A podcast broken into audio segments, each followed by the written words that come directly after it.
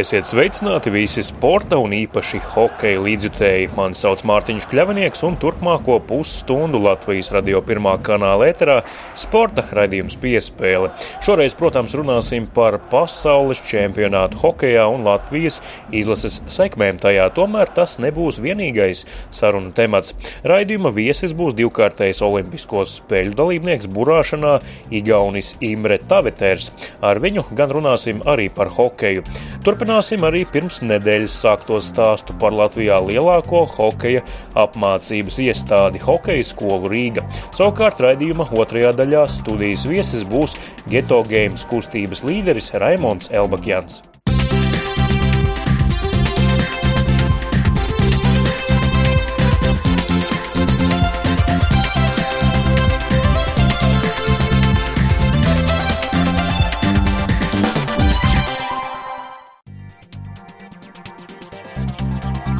Pasaules hokeja čempionāts Dānijas pilsētiņā Herningā turpinās. Latvijas izlase joprojām cīnās par iekļūšanu ceturdaļfinālā. To gan visticamāk izšķirs pēdējā mača pret Dāņiem iznākums otrdienas vakarā. Raidījums piespēle Herningā satika arī 17-kārtējo PSRS čempionu, burāšanā un divu olimpisko spēļu dalībnieku Igauni Imri Taveteru. Viņš 2001. gadā Pērnavā izveidoja hokeja nūju ražotni Frontier karjeru. Tā šobrīd ir viena no līderiem vārdsargu nūju ražošanā pasaulē. Zināmākais un pats pirmais profesionālais klients šai firmai bija Edgars Masaļskis. Eriks Miljons bija atvedis frontieru rūpnīcas īpašnieku uz, uz šejieni.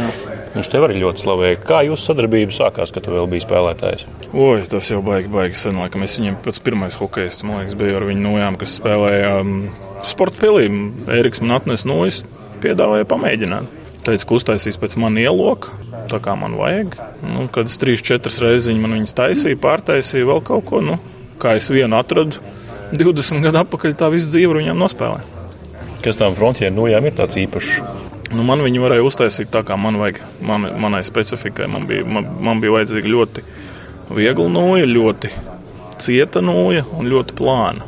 Daudzas citas kompānijas to nevar izdarīt. Lāpstiņas biezas ir un tā tālāk. Man vajadzēja visu plānu, bet ļoti cietu. Man viņa tādu uztaisīja un es neredzēju jēgu neko mainīt gadu gaitā, kā viņi attīstīja tehnoloģijas, varbūt eh, cik tās nojas kļuva labākas, varbūt viņi tev vēl piedāvāja kaut ko citu jaunu. Nu, praktiski jā, es paliku pie viena un tā paša. Jā, modeļi tur mainījās, bet eh, man tā noja, kāda viņa bija, tāda viņa arī palika visus tos gadus. Nu, varbūt viņa palika nedaudz vieglāka, kas, kas, kas noteikti ir labāk. Bet principā es tā arī kā viņi taisīja, tad tādām tā arī spēlē. Cik daudz rekomendēju kolēģiem, jo Gudļevskis arī spēlēja Sočos ar Frontieru no gal galā. Nu jā, nu, no Armalim es šogad ieteicu, un, un viņam patika tas, nu, es, cik varēja, tik es mēģināju palīdzēt Frontieram, jo es uzskatīju, ka tas tiešām ir ļoti labas nojas, un manā uzturē tās bija labākās nojas, ko es spēlēju. А так начали в 2001 году и около Перну. Но... Imre Taveters stāsta, ka šogad 10. maijā Frontier hokeja nūju ražotnē apritēja 17 gadu. Rūpnīca atrodas Pērnavā un tā lielāko uzsvaru liek uz vārdsargu nūjām.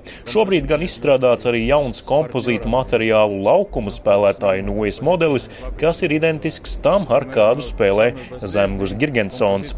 Taveters izceļ, ka ar Frontier nūjām jau izcīnīt izcīnīti trīs Gagārina kausi. Vienu ar Kazaņas Agbārs izcīnīja Frederiks Norena, bet divus ar Maskavas Dinamo Aleksandrs Jerjomenko. Tāpat ar šī ražotāja nūju par pasaules čempionu reiz kļuva vārdsargs Mihails Birjukovs.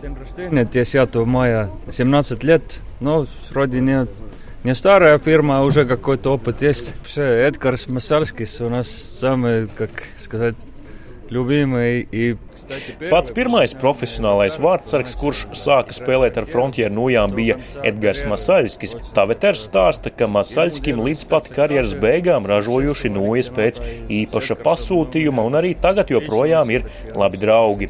Vislielāko bezmaksas reklāmu gan firmai 2014. gada februārī esot veicis Kristers Gudļevskis, kurš izcilajā mačā pret Kanādas olimpisko izlasi spēlēja tieši ar frontieru nūju. Kā stāsta stāsta Taveters, tad tieši pēc šī mača viņš saņēma ļoti daudzus zvanus no Kanādas ar vēlmi iegādāties šādas nūjas.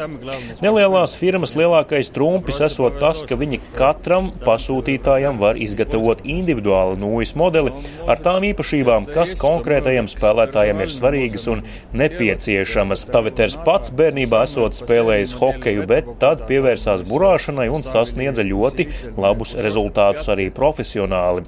Pēc karjeras beigām viņš atkal pievērsās hokejam, jo tas allaž esot bijis viņa sirds lieta. Sarunas noslēgumā Taveters nosauc Latvijas izlases laukuma spēlētājus, kuri reiz spēlējuši ar Pērnavā ražotajām nūjām. Tie ir Miķelis Redlis, Girts Ankipāns, Armans Bērziņš un Grigorijs Panteļējevs. Šobrīd Frontier izstrādājusi jaunu nūjas modeli laukuma spēlētājiem Aero Plus un cer ar to iekarot tirgu. Команда были большие надежды у нас на это новый модель Aero Plus, но с этим мы хотим опять как подняться. Оно это возьмет время. Tas ir ļoti pašsaprotami, kad Latvija sauc, tad tur nav variantu. Tu vienmēr saki, ka jā. Es cenšos katru spēli palikt labāks, katru spēli augt. Tad, kad jau ir uh, sezonas beigas un, un starpsezona, tad tu vari palikt reāli labāks spēlētājs. Pagājušajā nedēļā raidījumā piespēle uzsākām stāstu par hokeja skolu Rīga, lielāko hokeja apmācības iestādi Latvijā.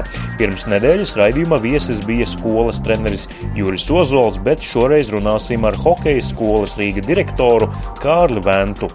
Latvijas radio sporta raidījums piespēle atrodas uh, hokeja skolā Rīga, un uh, saruna turpmākajās minūtēs būs ar šīs hokeja skolas direktoru Kārlu Ventu. Labdien!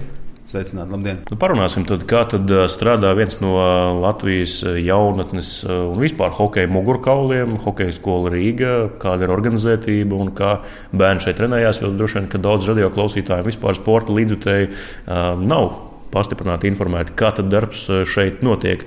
Kārlis, sāksim varbūt ar tādiem vispārīgiem skaitļiem. Cik bērnu vispār trenējas kopumā hokeja skolā Rīgā? 380. Tas ir sākot no jaunākajiem bērniem, kas ir 2012. gadā dzimuši, kurus mēs šogad uzņēm, uzņēmām, un nākamajā mācību gadā 2013. gads, tad līdz pat virslīgas komandai, kur spēlē mums arī daži pieredzējušāki spēlētāji, bet patiesībā jau sporta skolas struktūra ir līdz 25 gadu vecumam. 360 uh, puikas, kuri dien dienā dragā teiksim, tā, hokeju no rīta līdz vakaram.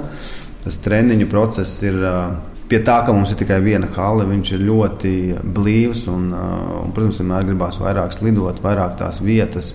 Ja, tāpēc man ir liels prieks par mūsu audzēkņiem, kas šogad ļoti kuplā skaitā arī U18 čempionātā izcīnīja iekļūšanu elites divīzijā. Redzot šos puikus, kā viņi aug, Protams, ka gribās, lai katrs no viņiem sasniedz tos labākos un augstākos mērķus. Treniņš sākās 6.30 no rīta. Pēdējais treniņš, kad iet projām virslīgas komanda, ir gandrīz pusdesmit vakarā. Tad, protams, ir maza pauze dienas vidū, ir, kad bērni dodas uz skolu. Tas ir reāli ir uh, no pulkstenes desmitiem līdz pūkstens vieniem, kad mums lido amatieru komandas. Un, uh, pēc tam jau pūkstens vienos nāk tie, kas jau mācās otrajā, trešajā klasītē, pēc pūkstens vieniem, pusdiviem. Cits, protams, brīnās, kā tagad uh, var tikt. Tik ātri, bet jā, tas laiks ir jāmenedžē. Jā, un, uh, protams, ka mums iegriež arī tādas normas, kā garie starpbrīži skolās, vispār izglītojošās. Hokeja skolas Rīgas telpas un arī hāla atrodas tepat blakus Rīgas Sergeja Žoltaka vidusskolai. Varētu domāt, ka jums ir kaut kāda sadarbība, bet es saprotu, ka nē, tikai aptuveni 70 audzēkņi no šiem 380 mācās šajā skolā. Tas arī viss. Jā.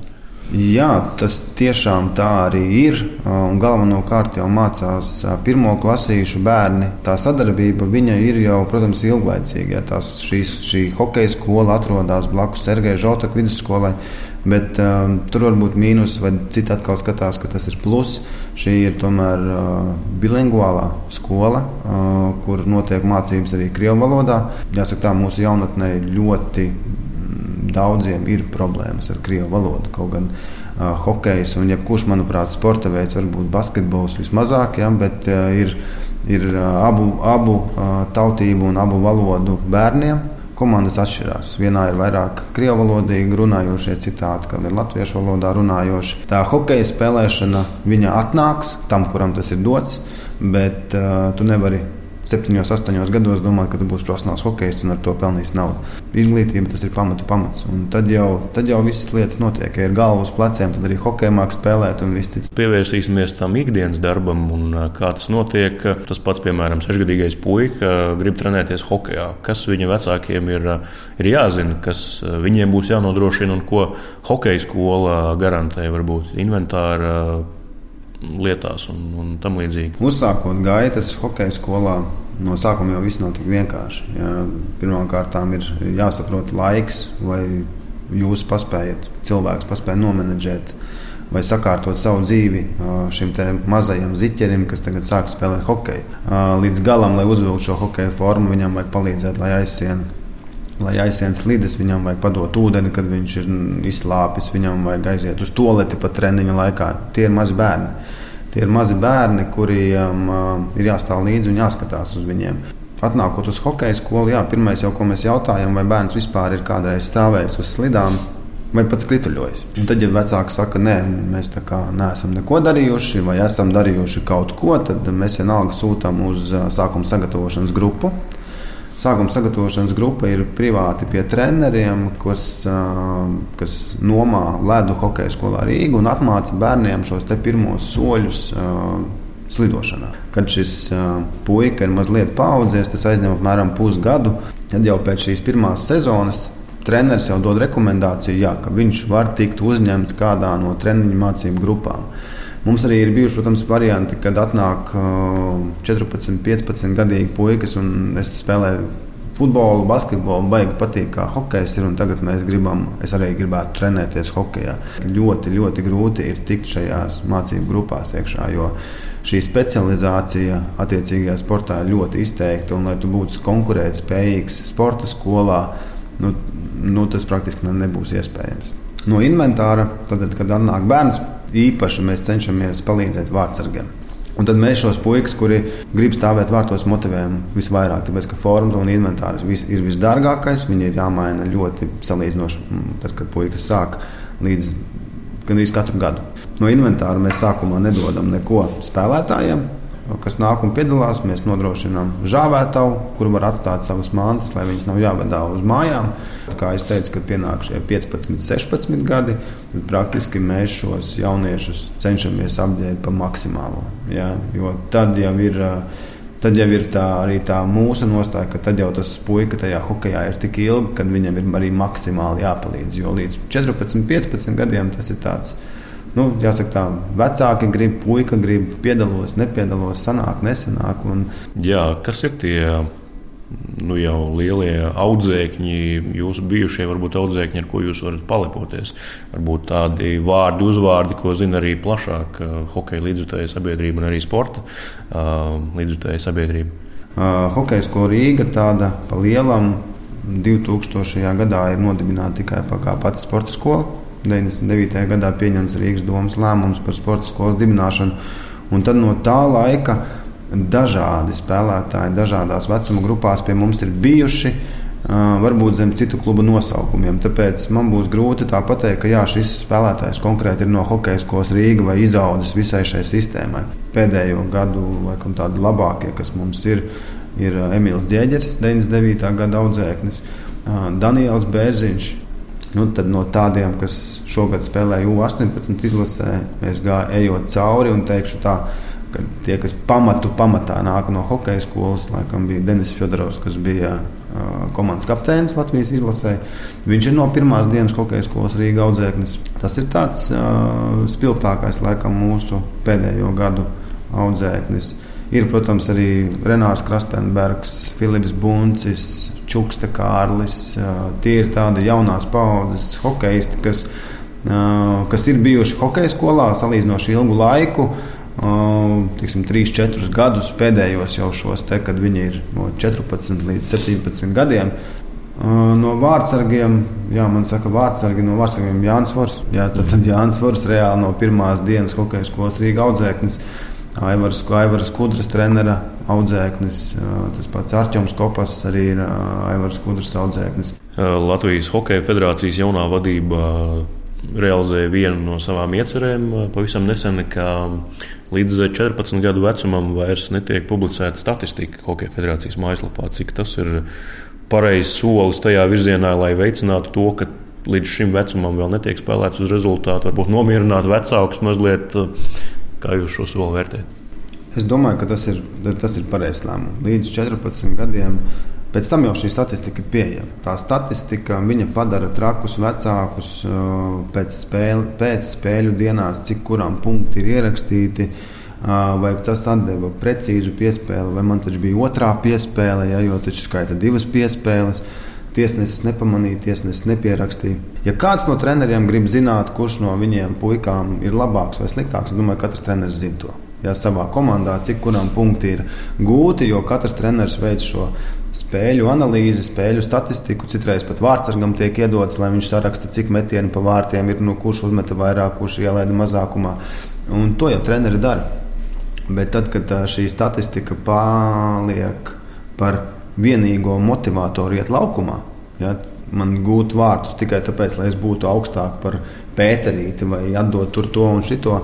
Nu, ziniet, tas vēl NHL nevienam skautam, 13, 14 gadīgiem puikām, nu, tur ļoti būtiski lomu nespēlē. Tālāk Latvijas radio redzamā piespēle sacīja Hokejas skolas Rīga direktors Kārlis Vēns. Teikšu jums paldies par, par šo sarunu. Tad jau paldies, gaidām, gaidām nākamo sezonu, un tur jau dažādos vecumos redzēsim arī Hokejas skolas Rīga komandas. Nu, ne tikai dažādos, visos. Prieks ir, saku, prieks ir par to, ka uh, puikas spēlē hokeju Daudz komandu spēlē hokeju, tā tendence ir hokejam tomēr augt. To mēs redzam arī līdz pat junioru līgai. Ja. Protams, ka virslīga ir atkal cits stāsts. Bērni spēlē hokeju, ha haļu paliek ar vien vairāk, un tas ir labi. Sporta veidam tas ir labi. Paldies! Pēc labi nobrauktiem mačiem, un tieši no radio, no radio sporta raidījumiem, tie ir tie pirmie cilvēki, kuri ar maniem runā. Varbūt es esmu sākusi arī sevi kā basketbolistu novērtēt vairāk.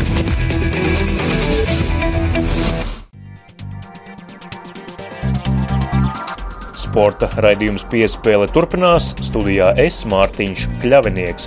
Turpinājumā neliela atslodze no hokeja.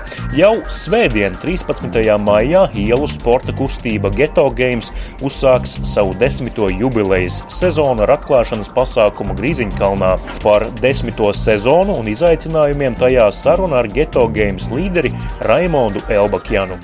Sveiki! Labdien visiem!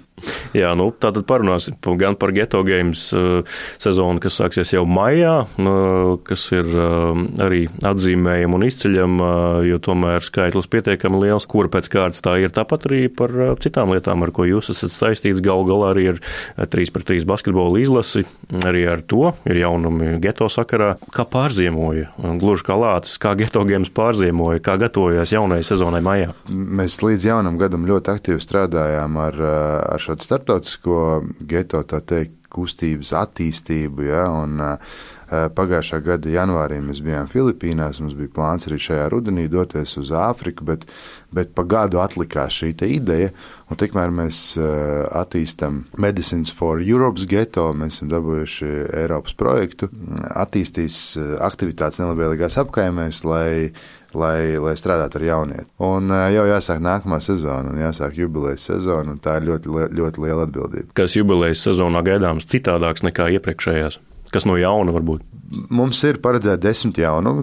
Viens no tiem lieliem jaunumiem ir, ka šo divu gadu laikā 3 pret 3 kustībai, vai tas, kas visu laiku tā saucās geto baskets, 3 pret 3 tagad ir iekļauts Olimpiskajās spēlēs, un uh, Tokijā būs pirmās astoņas komandas. Un, lai tur nokļūtu Latvijas šim 3 pret 3 basketbolam, Eiropas reitingā ir jāiekļūst uh, divniekā. Tad mēs automātiski jau nodrošinām vietu Tokijā. Šobrīd mēs esam ceturtie pasaulē bet pirmie sērbi, otrie slovēņi, trešie krievi, divas vietas uz augšu, un tad mēs, eh, tad mēs būtu šo vietu nodrošinājuši. Pēc mūsu tādiem aprēķiniem uz papīra tas varētu notikt, jo šajā gadā plānojās šis Challenger turnīrs eh, Ventspēlī, Geto Games festivāla ietvaros, tur nepieciešams ir papildus budžets no, no Latvijas valsts. Tas priekšdarbs ir tāds milzīgs, jo, jo deviņi gadi mēs esam strādājuši, tā auditorija un komandas un, un līmenis mums ir ļoti, ļoti augsts. Pagājušā gadā arī puiši uzvarēja Eiropas čempionātu. Festivālā ietvaros šis challengers, jo no tā ir atkarīgs, vai mēs dabūsim šos lielos punktus satelīta turnīros, jo tur nāk klāt koeficienti. Tātad uh, challengeriem koeficients teiksim, ir 2, uh, satelīta turnīriem 1,5. Tas nozīmē, ka katrs uh, dalībnieks, kurš piedalās šajā turnīrā, dabūna punktus ar koeficientu 1,5. Un 100 labākie basketbolisti, tātad vīrieši, 100 labākās meitenes, 100 labākie puiši 18 un 100 labākās meitenes 18. Viņu uh, desmit posmu labākie rezultāti tiek ņemti vērā, un no tā veidojas valsts reitings. Sportistiem pašiem ir skaidrs. Kā, kāds viņiem ir tas ceļš uz Tokiju? Sportistiem ir skaidrs, tie, nu, teiksim, īpaši tajā aktīvajai, aktīvajai daļai, ja, bet, bet tur FIBA ir ļoti pareizi izdarījusi, lai, lai strauji attīstītu sporta veidu valstī. Viņi ņem, ne, tur nevar aizbraukt viena komanda, vinēt Eiropas čempionātu un automātiski tikt uz Olimpiskajām spēlēm. Tas nav iespējams. Ir jābūt valsts reitingā, ir jābūt tātad astoņas labākās pasaules komandas. Tad tiek ņemts no katra kontinenta, tur viena, divas, un no Eiropas nu, tiek ņemts divas kā geto games nonāca līdz tam, ka festivāla Ventspīlī ietvaros notiks šis Challenger turnīrs? Jūs rakstījāt FIBA e-pastus ar vēlmi vai jums piedāvāja? Nē, tur bija arī priekšdarbs, kurā piedalījās. Tas notika kopā arī ar Basketbola savienību, jo nu, tas bija skaidrs, ka, ka Latvija ir pelnījusi šo Challenger, ja ņemot vērā mūsu šo 3 pret 3 varbūt to augsto līmeni un, un, un, un, un masveidību. Tika veikts priekšdarbs, protams, kad e-pasta sarunas, tikšanās ar FIBA. Tāpat mēs eh, decembrī aicinājām FIBA pārstāvi eh, uzstāties mūsu konferencē, kas bija Medicines for World's Getos. Un, tur arī principā šī vienošanās bija. Šobrīd ir parakstīts līgums, un, un Vēnspilī šim projektam ir jābūt realizētam. Ja. Ļoti laba platforma, lai tieši tur izveidotu šo Challenger turnīru un, un arī iepazīstinātu visas šīs valstis ar to, kā vispār Latvijā notiek šī iela kultūras, nu, teiksim, tāda tāds galvenais pasākums. Galvenā balva pietiekami liels um, kumos, uh, kas varētu vilināt dalībniekus. Uh, no kurienes tā? Tur FIBA arī Tur ir 20, 20 tūkstoši balvu fonds. Tas ir tas, kas jānodrošina, ir, lai vispār parakstītu līgumu ar, ar, ar FIBA par šī turnīra organizēšanu. Plus jānodrošina obligāti ar piecām komandām no FIBA puses eh, visas dzīvošanas pārlidojumu un tā tālāk. Nu, tur tas, tas, tas sākuma case ir diezgan liels, lai vispār to, to nodrošinātu. Tad, kad tu to esi nodrošinājis, tad tev ir tiesības tā kā noorganizēt. Ir lielāka atsaucība sporta pasākumiem, lieliem sporta pasākumiem no, no pašvaldībām. Septiņi gadi atpakaļ no kādas trešās mēs sākām aktīvi strādāt ar pašvaldībām visā Latvijā. Es teikšu, ka šī gadā es neesmu izjūtis vispār nekādu spiedienu attiecībā, ka kādam būtu kaut kādas īpašas vēlmes. Protams, ka es domāju, vasarā būs daudz pasākumu, bet ar sporta pasākumiem īstenībā ir diezgan grūti eh, tā baigi noreklamēt sevi eh, kādam tur vai pašvaldību līderim, vai vēl kaut kā tur jābūt ideoloģiskai kaut kādai saiknei. Tagad jau, man liekas, vēlētājs ir ļoti advancēts un gudrs, un tā iznākt viņam priekšā un eh, nozīmēties vienu pasākumu ietvaros, es domāju, tas nekādā veidā Eh, nepalīdz nu, pārliecināt šo balsotāju. Jūs jau arī minējāt iepriekšējās aktivitātes, kādas ir bijušas paralēli basketbolam, ar ko geto vispār sākās. Deju cīņas, hip hopa, brīvrunu cīņas, vai tas viss paliek arī, arī nākamajā jaunajā sezonā? Protams, un šajā gadā saku, tur būs tie desmit pārsteigumi. Būs ļoti, ļoti interesants arī pārmaiņas pašā Grīziņkalnā. Un, es domāju, ka tur tiks organizēti ne tikai šie pasākumi, tur būs piemērota infrastruktūra, lai lai tur organizētu visdažādākos eh, pasākumus. Tā kā vēl viena no lietām, ko mēs eh, plānojam šī un nākamā gada ietvaros attīstīt, ir, ir, ir, ir, ir, ir, ir eh, laukums Daugaugrīvā. Tur šobrīd notiek aktīvs darbs ar, ar valsts nekustamiem īpašumiem, tāpat tās ar, ar Rīgas domu. Un, un, nu, tāda tiek meklēta tāda ide, ideoloģiskās uh, šīs vadlīnijas, un, un, un, un, nu, lai, vispār, lai vispār to visu iekustinātu. Un, protams, kad, kad pēc tam arī sadarbība ar federācijām un, un, un, un visiem pārējiem ir doma, ka varētu tur pārcelt futbolu un florbolu, un tad Grīziņkalnā palikt vienreiz nedēļā basketbols un, uh, un šī fitnes zona, ko mēs ļoti aktīvi esam attīstījuši, jo tur ir gan vieglietīgs celiņš, gan arī atvērtā trenižera zāle šobrīd. Bet šis skandāls uh, neiedragāja kaut kādu jūsu uzticību basketbola savienībai, ka tas mērķis var tikt sasniegts kopīgā ceļā un darbā? Nu, ko nozīmē uzticība? Tur jau, es domāju, par šobrīd jau tādu ne tikai Latvijas basketbolā, arī, arī daudzās citās federācijās, jā, un vispār sabiedrībā ir jāpārskata kaut kādas vērtības un godprātība un, un kaut kāda ētika un uzvedība, nu, un tā tālāk. Un tā, tā kā, es domāju, šeit ne tikai basketbola savienības kontekstā to varētu pieminēt, varbūt vienkārši mēs tādā laikā dzīvojam, kad cilvēki ir kaut kādā Nezinu, vai tā ir alkatība, vai tas ir, vai tas ir nu, negribētu saukt par plānprātību, bet nu, bieži vien cilvēki rīkojas kaut kā pilnīgi neadekvāti. Es domāju, ka uh, cilvēkiem bieži gadās, kad atšķirās viedokļi. Mums ar, teiksim, ar Edgars Šnepu uh, ir lietas, kurās mums sakrīt viedokļi, un ir lietas, kurās mums uh, nu, kardināli nesakrīt viedokļi. Ja? Līdz ar to uh, es nedomāju, ka jābūt labākajiem draugiem, lai varētu strādāt un sasniegt rezultātu. Ja? Man ir ļoti daudz teiksim, partneri, kuri man tiešām ir arī pa dzīvi draugi. Un ir partneri, kuriem vienkārši korektas kolēģiālas attiecības. Tāpēc es domāju, ka šobrīd uh, mums jāskatās tādā Eh, valsts interesēs, kas ir. Nu, līdz ar to, protams, ka valsts intereses un uh, cilvēku un sportistu intereses stāv pāri kaut kādām manām privātajām simpātijām pret, nezinu, Edgars Šnepu vai, vai, vai citiem uh, Latvijas Basketbola Savienības darboņiem. Es ticu, ka tuvākajā nākotnē arī kaut kas varētu mainīties Basketbola Savienībā, ja, jo ir, ir tik daudz Eh, jautājumi, kur būtu jāatrisina, kur nevar tikai dēļ tā, ka viens Kristaps Porziņš, kur izaudzinājis ģimeni, vai Jānis Tīma, kur izaudzinājis ģimeni, vai Bertāni, kur izaudzinājis ģimeni, atsaukties to, ka viņi jaunas līgā spēlē. Nu, tas ir tāds basics, kuram vai pamats, kas tikai normāli, ka viņi spēlē tajā jaunas līgā tos pirmos gadus, ja kaut kur trenējās, tā tā, bet principā nu, basketbola savienība būtu jāmēģina uh, tomēr attīstīt gan spēcīgu, uh, spēcīgu un kvalitīvu produktu, teiksim, basketbol, ba, uh, Latvijas basketbola līgu. Ja? Jādomā būt par studentu basketbolu, kā viņš var izskatīties, par skolu basketbolu, ja? kā savilkt to kopā. Nu, mēs dzīvojam pēc kaut kādām 25 gadu atpakaļ izveidotām lietām, redzam, ka uh, cilvēku skaits valstī sarūk, organizējam divas, trīs paralēli līgas. Nu, tā vietā, lai ļautu cilvēkiem beigt spēlēt basketbolu un iet nodarboties vai nu spēlēt amatieru basketbolu, viņi tur skrien par kaut kādām LBL, tur 3, LBL 2, vēl kaut ko, lai viņi skrien studentu līgā un paralēli dabūna izglītību, lai attīstītu duālo izglītību. Tur jābūt federācijas darbam kopā ar, ar, ar augstskolām, tur jābūt federācijas darbam kopā ar skolām, kopā ar visām šīm nacionālajām sporta padomēm un tā tālāk jāvirza jautājumi. Un tā federācija sporta, kur pirmā to sāks darīt, tie būs čempioni pēc desmit gadiem nu, teiksim, tādā masveidībā. Ja? Nu, to es arī novēlu Basketbola Savienībai, lai viņi atrod sevi enerģiju, spēku, resursus un uh, sāk strādāt pie visiem iepriekš nosauktiem jautājumiem. Tālāk Raimons Elbakjans, Geto Games līderis, uh, sporta raidījumā piespēle Latvijas radio eterā. Uh, Raimond vēl uh, sarunas noslēgumā, um, kur un kad. Uh, jauniešiem, kuri šo klausās, varbūt arī viņu vecākiem, ir jābūt geto games atklāšanā jaunajā sezonā? Šo sezonu, tāpat kā iepriekšējās deviņas, mēs atklājām Grīziņkalnā 13. maijā. Pūkstens septiņos vakarā ir šī svinīgā daļa, bet tiks izspēlēts 13. maijā būs turnīrs, kurā tiks izspēlēta ceļzīme uz uh, Maskavas šo turnīru Moskava Open, kas ir viens no prestižākajiem 3 pret 3 turnīriem vispār pasaulē. Tā kā tur būs, ja nemaldos, 20 valsts pārstāvētas.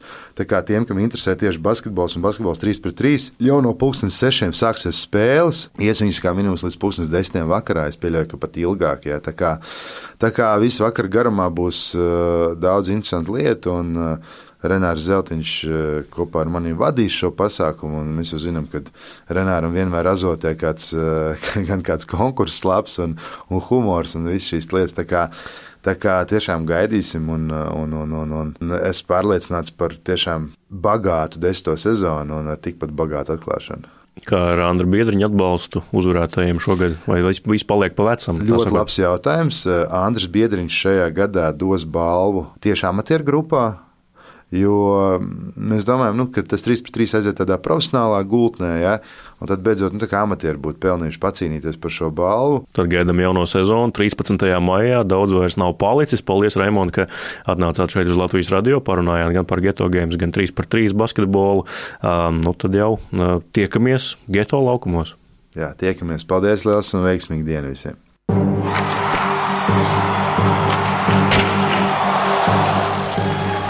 Sporta raidījums piespēle šoreiz ir galā. To veidoja un vadīja Mārtiņš Kļavinieks uz sadzirdēšanos.